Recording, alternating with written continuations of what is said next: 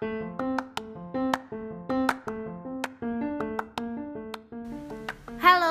welcome back to Senciping. Senin bersama Cia dan Aping. Oke, hari ini kita mau ngomongin sesuatu yang aping banget.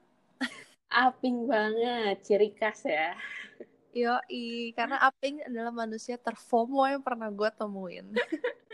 Aduh, jangan gitu dong. Tapi emang bener sih, kayak semua ser itu pasti kayak tahu tuh dan kayak aduh dia udah begini nih gue belum gitu. Tapi kayak gimana ya kayak susah gitu loh untuk menghentikan perasaan itu. Memang semoga kayak juga relate ya. Memang seorang Aries ya, ambisius dan oh gitu ya oh ada hubungannya Ada sih, kalau bisa dikait-kaitin ada sih.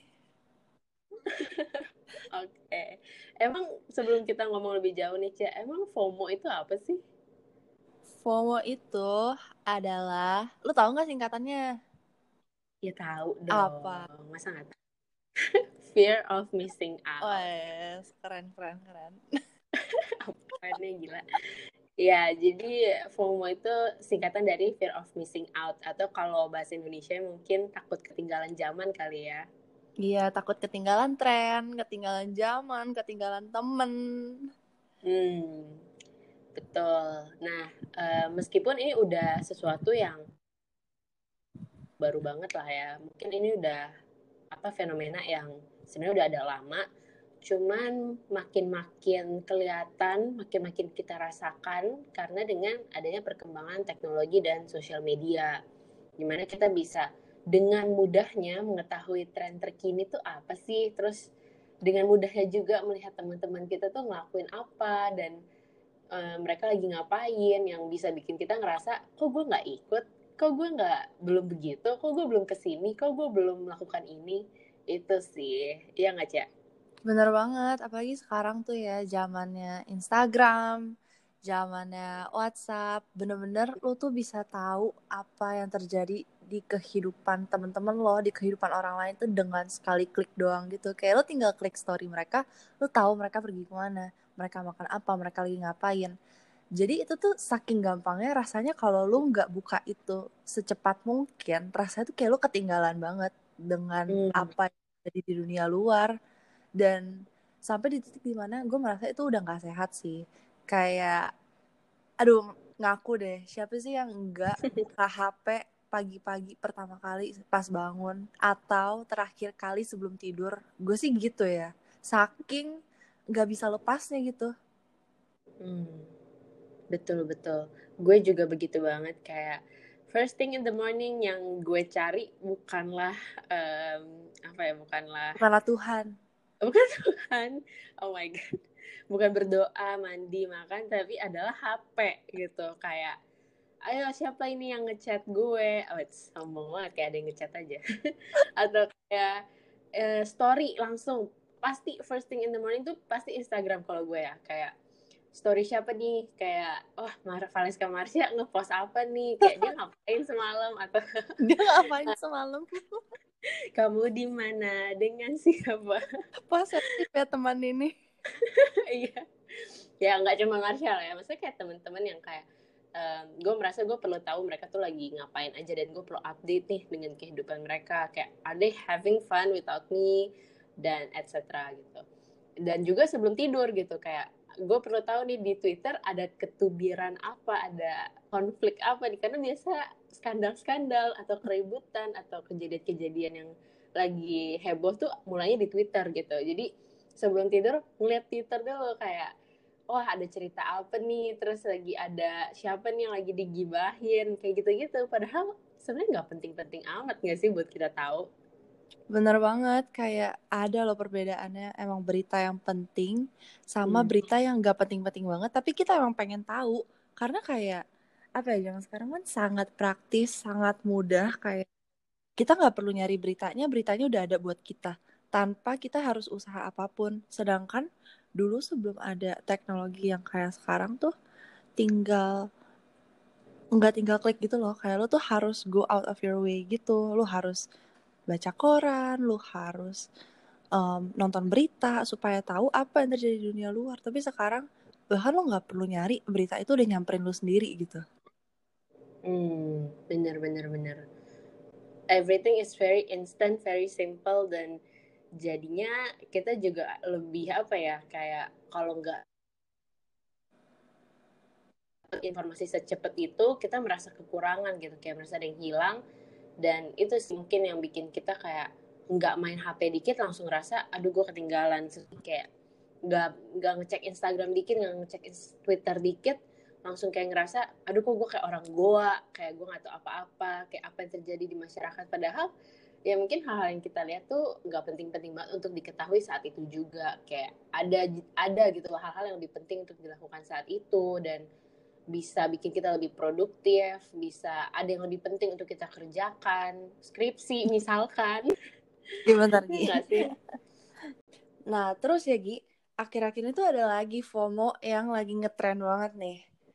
Tapi gue gak tahu sih lu FOMO ini atau enggak. Apakah lu pengguna Clubhouse? Bukan sayangnya. Oh, oh lu gak FOMO-FOMO banget ya ternyata. meskipun gue pengguna iPhone tapi gue nggak main Clubhouse sih. Soalnya kayak gue tuh tipe FOMO bukan yang kayak ngikutin tren terkini banget gitu loh. Kayak oh lagi orang pada lagi nonton drakor ini gue langsung ikut nonton. Pada heboh aplikasi ini langsung ikut main. Jadi gue bukan yang kayak gitu banget. Kayak karena gue ada skripsi jadi gue kayak ah, jangan deh gue jangan main clubhouse dulu karena gue takut terdistraksi gitu. Oh tapi dulu TikTok iya uh, gimana ya? bongkar. Terus buka kartu. TikTok tuh gue kayak karena um, itu bahkan gue mainnya bukan pas heboh-heboh banget sih. Cuman kayak yang udah uh, mulai pandemi terus kayak gue penasaran aja gitu isi TikTok tuh gimana. Jadi kecanduan woy bukan bukan gue ngepost video justru. Kayak gue malah nontonin video-video orang tuh bisa sampai subuh main mainnya. Karena benar-benar bikin kecanduan banget um, how TikTok is design gitu. Kayak mereka langsung auto scroll gitu tanpa lo perlu scroll. Jadi gue ngerasa kayak oh ini satu menit doang videonya paling lama. Jadi gue paling kayak cuma spend 30 menit kali ya di aplikasi ini udah kayak 30 video kan. Ujung-ujungnya gue bisa jam 2 pagi nge-scroll kayak 2 jam nontonin TikTok saking addictingnya gitu loh. More like sampai jam 5 pagi sih. Um, jangan gitu dong, lu jangan menghancurkan image gue. Gue udah courting 3 jam nih. tapi yeah. ya, tapi ya gue juga I feel you sih. Waktu TikTok itu gue nggak kemakan tren ya. Gue gue juga nggak download ya. Oke, okay, gue download sih, tapi itu for the sake of kerjaan lah. Abis kerjaan gue kelar juga gue udah langsung delete karena gue berasa se addicting itu TikTok. Dan kalau gue biarin aja empat jam dalam hidup gue tuh bakal buat TikTok doang gue yakin. Karena hmm. bahkan lo nggak perlu scroll bahkan lo nggak perlu nyari. Mereka cariin buat lo mereka scrollin buat lo. Kurang enak apa coba main TikTok. Tapi sekarang clubhouse gue ikut sih kayak hmm. aku tuh gue nggak mikir aku awalnya tuh gue nggak mikir gue FOMO ya. Gue merasa tuh kayak oh banyak nih orang-orang yang menurut gue inspiring yang buka clubhouse terus banyak banget yang buka room di sana. Jadi rasanya tuh kayak gue pengen ikutan roomnya mereka supaya dapat obrolan insightful mereka. Karena mereka cuma buka itu di clubhouse kan. Hmm. setelah gue pikir-pikir lagi ah, itu kan definisi FOMO ya. Karena gue gak mau ketinggalan obrolannya mereka. Jadi gue pikir-pikir lagi oh oh ya juga. Tapi menurut gue sih FOMO gue juga masih fine fine aja ya. Masih positif positif aja. Karena emang obrolan yang gue dengerin so far insightful menurut gue dan nggak terlalu makan waktu gue kayak gue masih bisa lah mengontrol um, konsumsi clubhouse gue. Nggak kayak waktu gue main TikTok yang kayak bener-bener time flies gitu. Hmm, hmm, hmm, hmm. Emang kacau banget sih itu TikTok bener-bener deh. Kayak um, itu menurut gue sih udah bentuk kapitalisme ter uh, ter apa ya? Ter red flag sih. Kayak menurut gue udah udah ada bahaya-bahaya yang harus kita pertimbangkan gitu. Karena itu benar-benar makan waktu dan menghambat produktivitas banget sih. Kayak yang apa apa sih sebenarnya kalau misalnya lu bisa um, produktif dengan TikTok ya. Misalnya lu bisa produce video atau lu bisa dapet sesuatu yang kayak berharga dan bisa lu pakai in real life dari TikTok itu kayak knowledgeable. Kan banyak kan sebenarnya yang TikTok juga informatif. Tapi kalau yang kayak sebenarnya ya apa ya cuman bikin biar lu terdistraksi mungkin perlu dipertimbangkan sih itu. Nah tapi ada Gi kemarin nih fenomena lagi TikTok e-cash apa kalau pernah dengar oh iya gue sempet dengar tapi gue nggak begitu ngerti sih.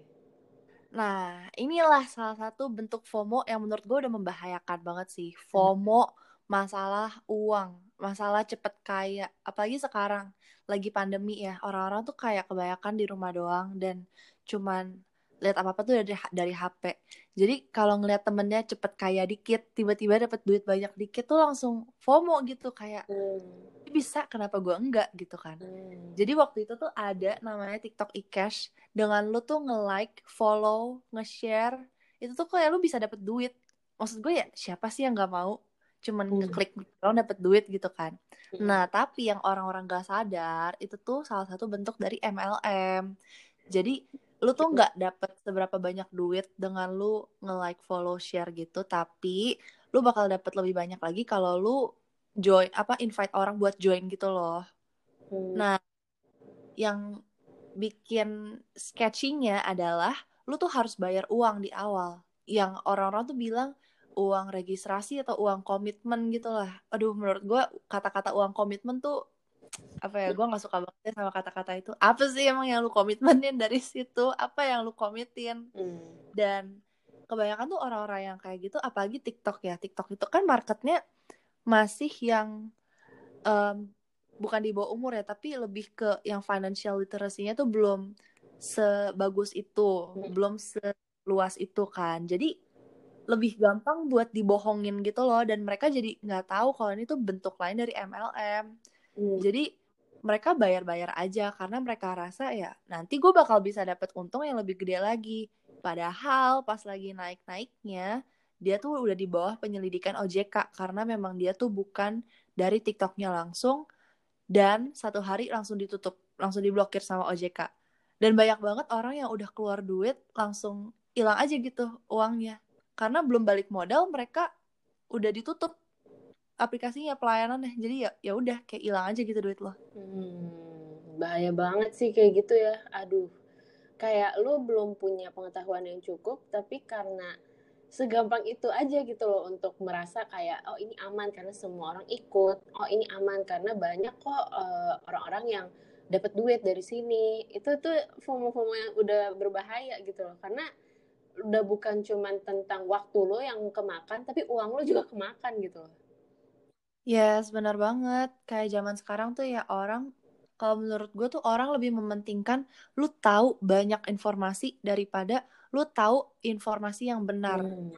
Jadi orang tuh pengen menyerap sebanyak-banyaknya aja, tapi belum tentu mereka bisa um, riset dulu, mereka bisa cek kevalidannya, kevalitannya dulu, hmm. kayak apakah berita yang gue consume atau berita yang gue share ini benar nggak sih sebenarnya? Sumbernya tuh terpercaya nggak sih?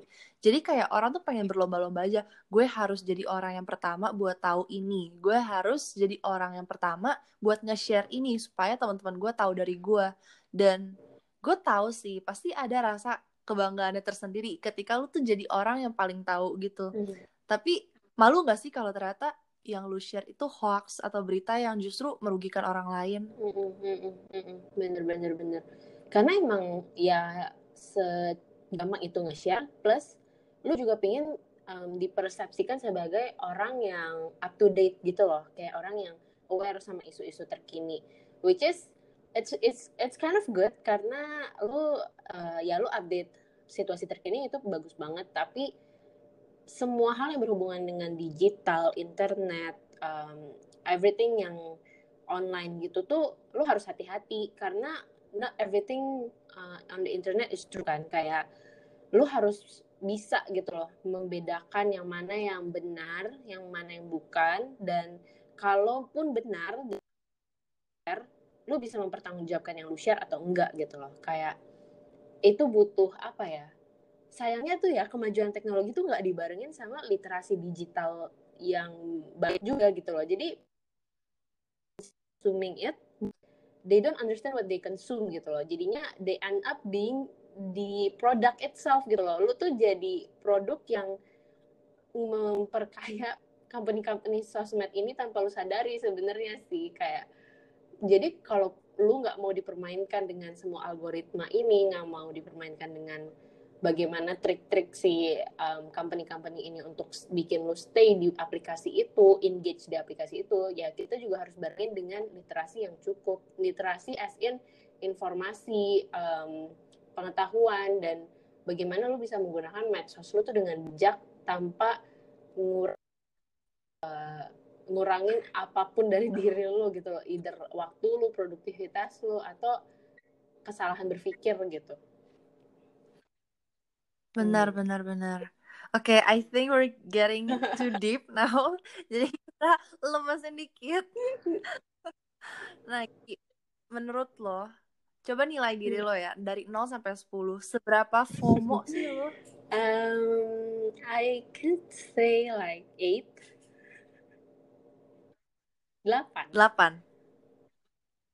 Kenapa? Karena gue tuh FOMO-nya gini, Cak. Kayak um, kalau misalnya ada orang ini, ini kayak jelek banget sih sebenarnya. Maksudnya kayak misalnya ada orang yang berprestasi ada orang yang bisa dapat kerja bagus banget ada orang yang kayak achieve something yang gue merasa tuh ini loh standar suksesnya society itu kayak gini nih.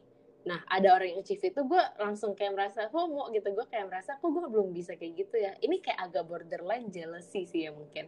Eh, nggak uh, sampai yang FOMO FOMO gimana. Cuman ya gitu gue tuh kayak ngerasa gue pingin bisa kayak gitu dan kenapa gue enggak gitu intinya.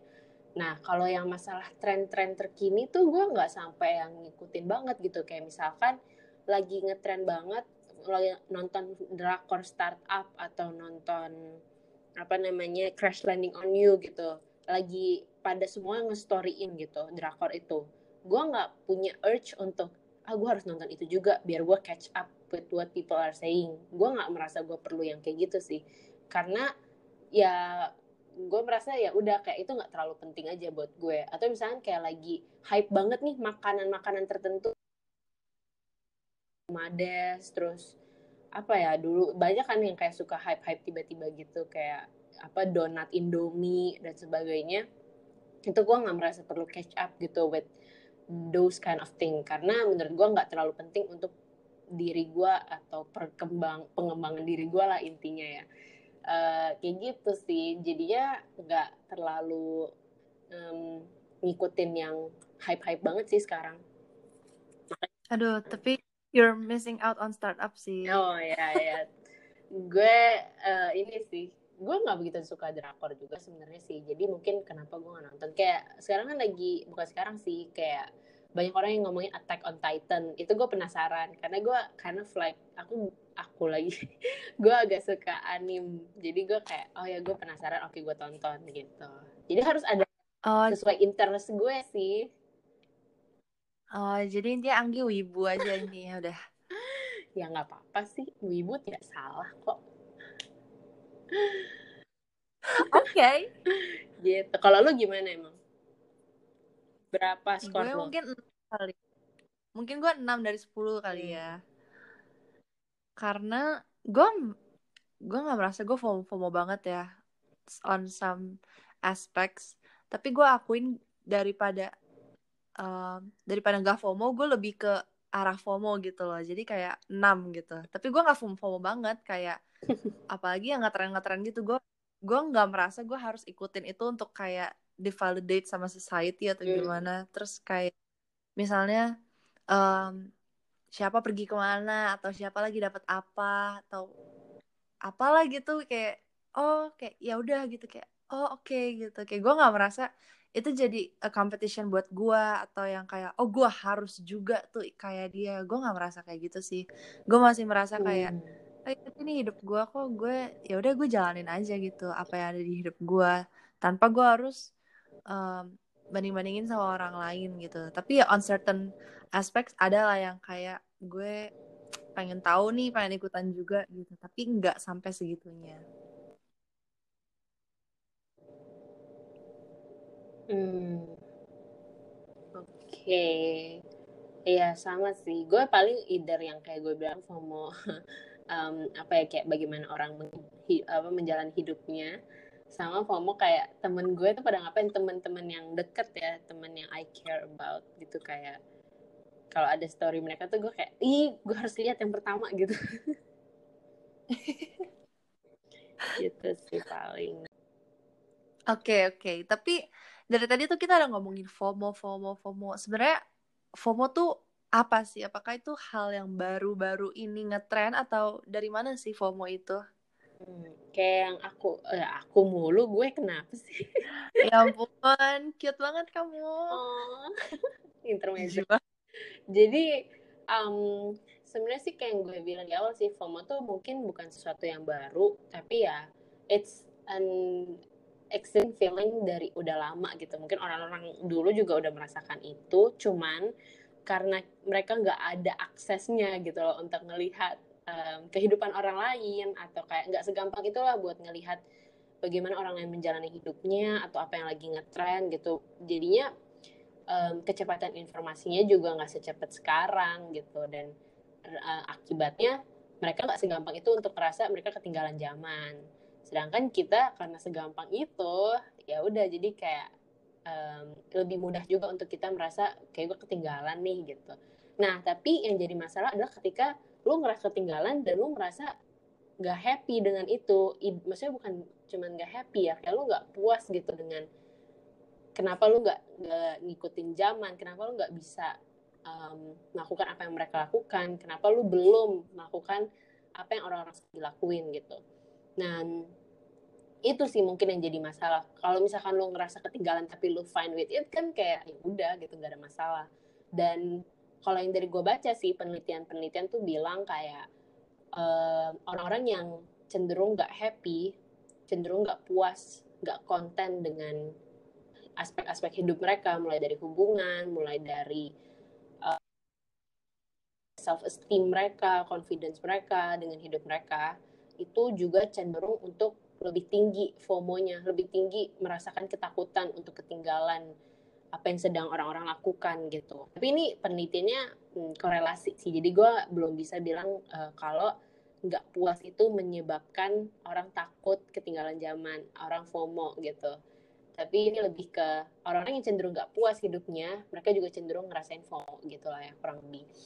Uh, kayak gitu dan banyak sih yang kayak bilang lu tuh harus bisa ini tuh juga bukan cuman mungkin lu nggak happy atau nggak puas dengan hidup lu. Atau mungkin juga lu sebenarnya happy atau puas tapi karena lu terlalu banyak uh, apa ya menghabiskan waktu di sosial media jadi lu tuh kayak nggak bisa membedakan gitu loh kayak real life and the virtual life gitu di social media life yang sebenarnya fake kalau gue bisa bilang ya at a certain extent. Kayak uh, social media tuh fabricated banget. Kayak hidup kita yang kita tampilin di social media itu udah curate altered dibingkai sedemikian rupa biar cantik shining shimmering splendid. Biar orang-orang tuh ngerasa kayak wah dia keren banget. Wah hidup dia bahagia ya. Wah dia kayak pinter banget. Wah dia kayaknya very content with her life or his life gitu. Which is gue yakin banget sebenarnya nggak mungkin that's 100% the case. Pas, ya mungkin ada orang yang bahagia beneran gitu dan mereka tunjukin itu di sosial media real gitu, authentic. Tapi gue merasa lebih banyak case di mana orang only show what's good in their life, tapi what's bad kan nggak mungkin di post gitu loh. Dan itu sih yang bikin kita punya ilusi bahwa hidup-hidup orang lain tuh bahagia gitu, hidup orang lain tuh menyenangkan ya. Kok mereka menjalankan hidup yang jauh lebih happy, lebih fun daripada gue dan gue merasa gue harus nih kayak begini. Gue merasa gue harus lakukan biar gue bisa happy gitu. Dan itu yang bikin kita jadi juga ikut nge-produce post-post yang bikin kelihatan kita tuh kelihatan happy. Dan ini jadi kayak cycle sih kayak sebuah lingkaran setan yang ya saling nge-supply gitu. Nge-supply ada demand ada supply. Jadi kayak lu kayak ngeproduksi sesuatu yang keren biar orang juga ngeliat lu keren tapi orang lain melihat post lu tuh malah ngerasa kayak aduh kok gue nggak begini ya gue juga harus ngepost sesuatu ah yang biar uh, gue juga kelihatan keren dan happy gitu dan ya udah lingkarannya kayak gitu-gitu aja yang akhirnya bikin FOMO ini makin lebih parah lagi lah gitu dengan adanya sosial media ini. Hmm, bener banget sih. Tapi ya, balik lagi, pertama, itu tuh nggak aci banget kalau lo ngebandingin your whole life seluruh hidup lo seluruh ups and downs lo dengan sisi baiknya hidup orang lain yang mereka tunjukkan di social media gitu. Hmm. Sisi baiknya aja tuh nggak semuanya mereka tunjukin, apalagi sisi buruknya. Hmm. Jadi kenapa lu harus ngebase itu tuh sebagai kayak patokan buat hidup lo yang sebenarnya gitu kayak dia aja bisa dapat pacar, dia aja bisa menang ini, dia aja bisa liburan ke sana sini. Kok gue nggak bisa? Kok gue gini-gini banget? Itu tuh rasanya lu lu you're being toxic to yourself lah kalau menurut gue ya hmm. karena balik lagi life is not competition woy kayak hmm. hidup ini nggak seharusnya jadi dijadiin perbandingan dijadiin kompetisi untuk siapa yang bisa lebih maju siapa yang bisa lebih menang menurut gue sih gitu ya karena kayak segala envy segala jealousy segala keterpurukan yang kita rasakan dalam hidup tuh kayak kebanyakan tuh dari kita ngebanding bandingin gitu sih hmm. hidup kita lain di sosial media. Sama tadi gue juga hmm, kayak contemplate gitu sih, apakah kita puas sama hidup kita itu sama dengan kita happy dengan hidup kita? Menurut lo gimana? Hmm, ini mungkin kayak agak ya ini subjektif aja ya gue nggak gue nggak tahu kayak pandangan akademis tuh kayak gimana terkait hal ini? Mungkin ada pasti ada penelitiannya. Cuman banyak kan tuh ngedefine happiness tuh as being satisfied with um, with your life lah intinya. Kayak banyak kan hidup kita banyak aspeknya ya kayak dari hubungan, pekerjaan, pendidikan, family gitu-gitu. Dan intinya mereka mostly itu mendefinisikan happiness as in you are satisfied and you are content with those aspect in your life. Nah kalau dari gue sendiri sih ya kayak ya kadang mungkin lu udah puas kayak di beberapa hal tapi ada yang kurang gitu loh. Misalkan di aspek uh, family money lu tuh bagus gitu kayak everything is good. Tapi lu berpasangan misalkan dan lu merasa ada yang kurang jadi kurang happy kayak gitu sih. Dan uh, mungkin penting juga untuk kita kayak mengerti bahwa nggak hidup tuh susah banget buat jadi sempurna men. Kayak pasti ada aja aspek yang lacking gitu kayak gue nggak tahu sih ada orang yang kayak bener-bener sampai 100% hidupnya puas atau enggak cuman kalau ada yang kayak gitu ya bagus banget. Tapi gue merasa itu ekspektasi yang terlalu tinggi lah kayak kadang kita harus menerima aja kenyataan bahwa ya ada certain aspek yang mungkin gue nggak bisa 100% perfect dan ya udah it's okay gitu. As long as gue berusaha setiap hari untuk menjadi lebih baik atau memperbaiki di aspek itu ya udah nggak apa-apa. Kayak I should try to learn to be happy gitu. Meskipun ada aspek yang gue kurang puas dalam hidup. Bener bener bener. Karena ya balik lagi hidup emang nggak pernah didesain untuk hmm. jadi sempurna ya. Lalu ada ups and downs-nya. Tapi dari tadi nih kita kan udah ngomongin FOMO tuh kesannya kayak aduh jelek banget nih FOMO. Padahal udah sangat integrated dalam kehidupan kita gitu ya ada nggak sih dari lu tuh tips-tips gimana supaya kita nggak terlalu terjerat dalam FOMO FOMO ini? Um, gue tuh kemarin kayak baca juga ada yang namanya joy of missing out. Jadi itu kayaknya sebuah apa ya, sebuah narasi yang dikeluarkan untuk melawan FOMO sih, karena FOMO udah parah banget dan dan itu at a certain point yang kayak udah kita jelasin udah berbahaya dan mungkin bahkan sampai ada yang kayak pinjaman online sampai ngutang misalkan untuk beli iPhone gitu biar bisa ikut clubhouse atau mungkin ya biar biar nggak ketinggalan zaman biar nggak malu sama sepirnya gitu dan itu um, itu jadi berbahaya gitu kan kalau udah kayak gitu dampaknya. Nah um, muncul gitu narasi untuk kita joy of missing out kayak ya udah senang aja ketika lo ketinggalan gitu. Kayak gue malah merasa um, karena banyak banget informasi di dunia ini kan sebenarnya tuh it's um, over kita mau telan semuanya. Jadi lo harus bisa pilih-pilih yang mana yang penting buat lo ketahui, yang mana yang interested dan yang mana yang kalau lu nggak tahu juga gitu loh kayak ya udah kayak jangan sampai um, saking banyaknya informasi ini malah bikin lu makin sedih, makin stres, makin capek dan overwhelmed gitu. Dan kita harus belajar untuk merasa happy aja gitu. Kalaupun lu gak nggak ngikutin zaman, kalaupun lu belum ke cafe terkini yang lagi happening banget gitu. Itu sih salah satunya. Kalau dari lu ada nggak? dari gue is to count my blessings Hmm, asik.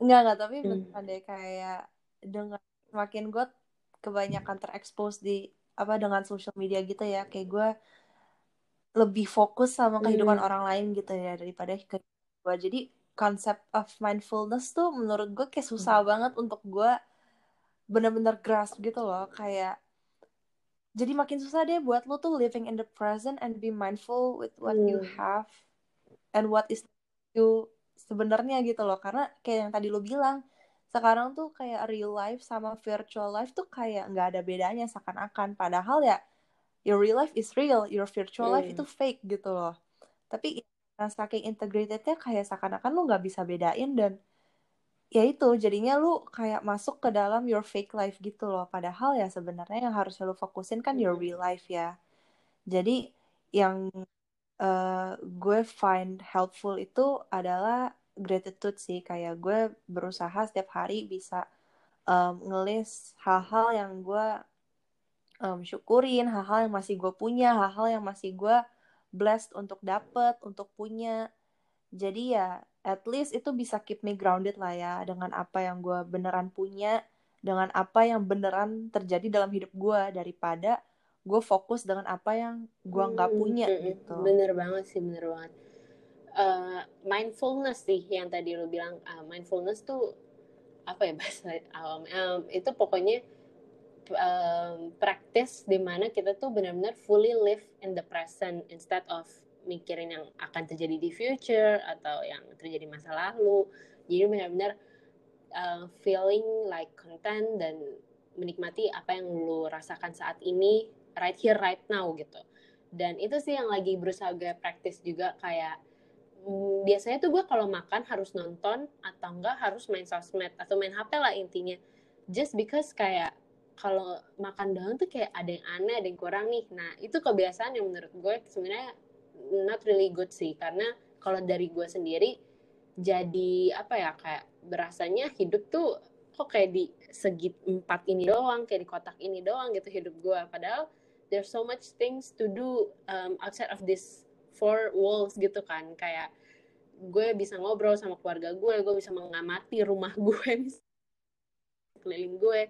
Dan mungkin itu bakal bikin lebih um, satisfied sih. Dan itu yang berusaha gue praktis kayak kalau makan tuh gue udah nggak mau main HP sih. Kayak slowly lah ya progressing. Meskipun uh, kalau bangun dan sebelum tidur masih main HP gitu. Tapi um, pas makan gue berusaha untuk benar-benar makan aja gitu. Dan dari buku yang gue baca um, Love for Imperfect Things um, karyanya Haimin Sunim dia ada bahas juga tentang mindfulness ini kayak coba deh lo kalau makan lo try to really taste the flavor of the food gitu instead of thinking about lots of thing yang ya udah yang sering kita pikirin kayak kekhawatiran masa depan, kesedihan masa lalu, kekhawatiran ketinggalan zaman dan sebagainya gitu. Jadi ya udah slow down your life a little bit biar kayak lo nggak terburu-buru, lo nggak hidup dalam your fake life gitu. Yes, yes. Karena pada akhirnya ya ya itu yang lu benar-benar punya dan itu sebenarnya yang lu harus fokusin, bukan gimana caranya gue bisa ikut tren terkini, gimana caranya gue bisa jadi nomor satu untuk tahu ini.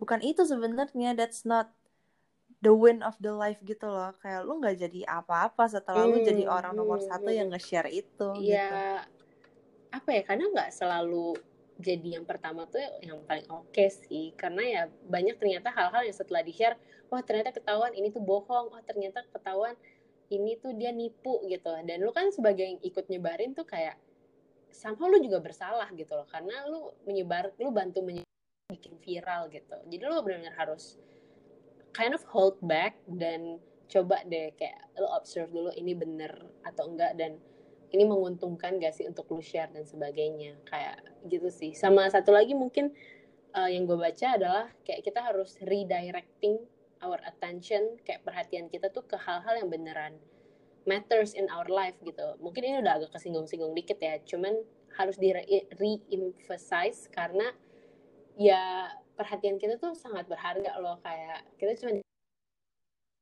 sehari sama Tuhan tuh gimana cara kita biar memaksimalkan hal itu untuk hal-hal yang beneran penting dan bisa bikin lo happy gitu loh intinya. Sebenarnya ini kayaknya berasanya gampang banget ya diomongin. Kayak klise banget sih lo. Kayak iya gue tahu gue nggak boleh main sosmed gak boleh terlalu um, apa ya kayak uh, invested on sosmed dan sebagainya. Tapi ini bener gitu loh. Lo harus bisa belajar kita sih kita harus bisa belajar untuk memusatkan perhatian kita ke hal-hal yang penting dan yang lo mau hidup lo tuh about this gitu loh. Bukan sosmed kan gitu. Gitu sih kurang lebih. Iya bener banget. Aduh jujur aja sih ya selama kurang lebih 30 menit ini gue kayak kesindir dan menyindir diri gue sendiri gitu sebenarnya. Gue juga sih. Ini kayak sebuah sesi refleksi juga lah ya buat kita. Iya ini kayak sisi sisi lebih baiknya kita yang lagi ngomong. Tapi abis rekam podcast ini langsung makan sambil main HP Aduh, at least gue sih. emang progres lah. Nggak mungkin kayak nggak mungkin kita bisa dalam sekali dengar sesuatu tuh langsung kayak oke okay, I'm gonna change my whole freaking life into like 180 degrees gitu. Nggak mungkin.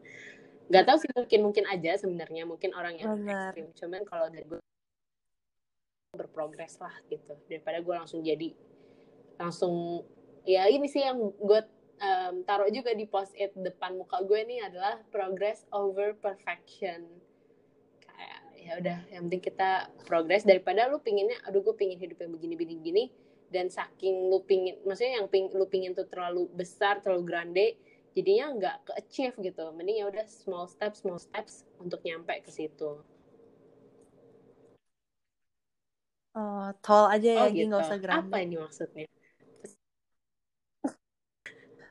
itu ukuran itu ukuran Starbucks. Iya tahu sponsornya Starbucks. oh. Apa sih? Oke, okay. kayaknya kita udah cukup ngelantur. Oke, okay, um, semoga kalian yang dengar ini bisa dapat pembelajaran dari omongan kita. Kita nggak menyindir siapa pun, nggak ada bermaksud untuk menyindir. Kalaupun menyindir, kita nyindir diri kita masing-masing. Tapi kayak ya semoga kalian bisa lebih mindful dengan hidup kalian, lebih at peace lah ya dengan apa yang kalian punya dan ya semoga ini bisa membantu untuk kalian jadi lebih happy dan content hmm. dengan hidup kalian. Betul, amin. Semoga ini ada bergunanya dikit ya celotehan kita. Oke deh. Oke, dan kalau begitu happy, happy listening. Monday. Bye bye.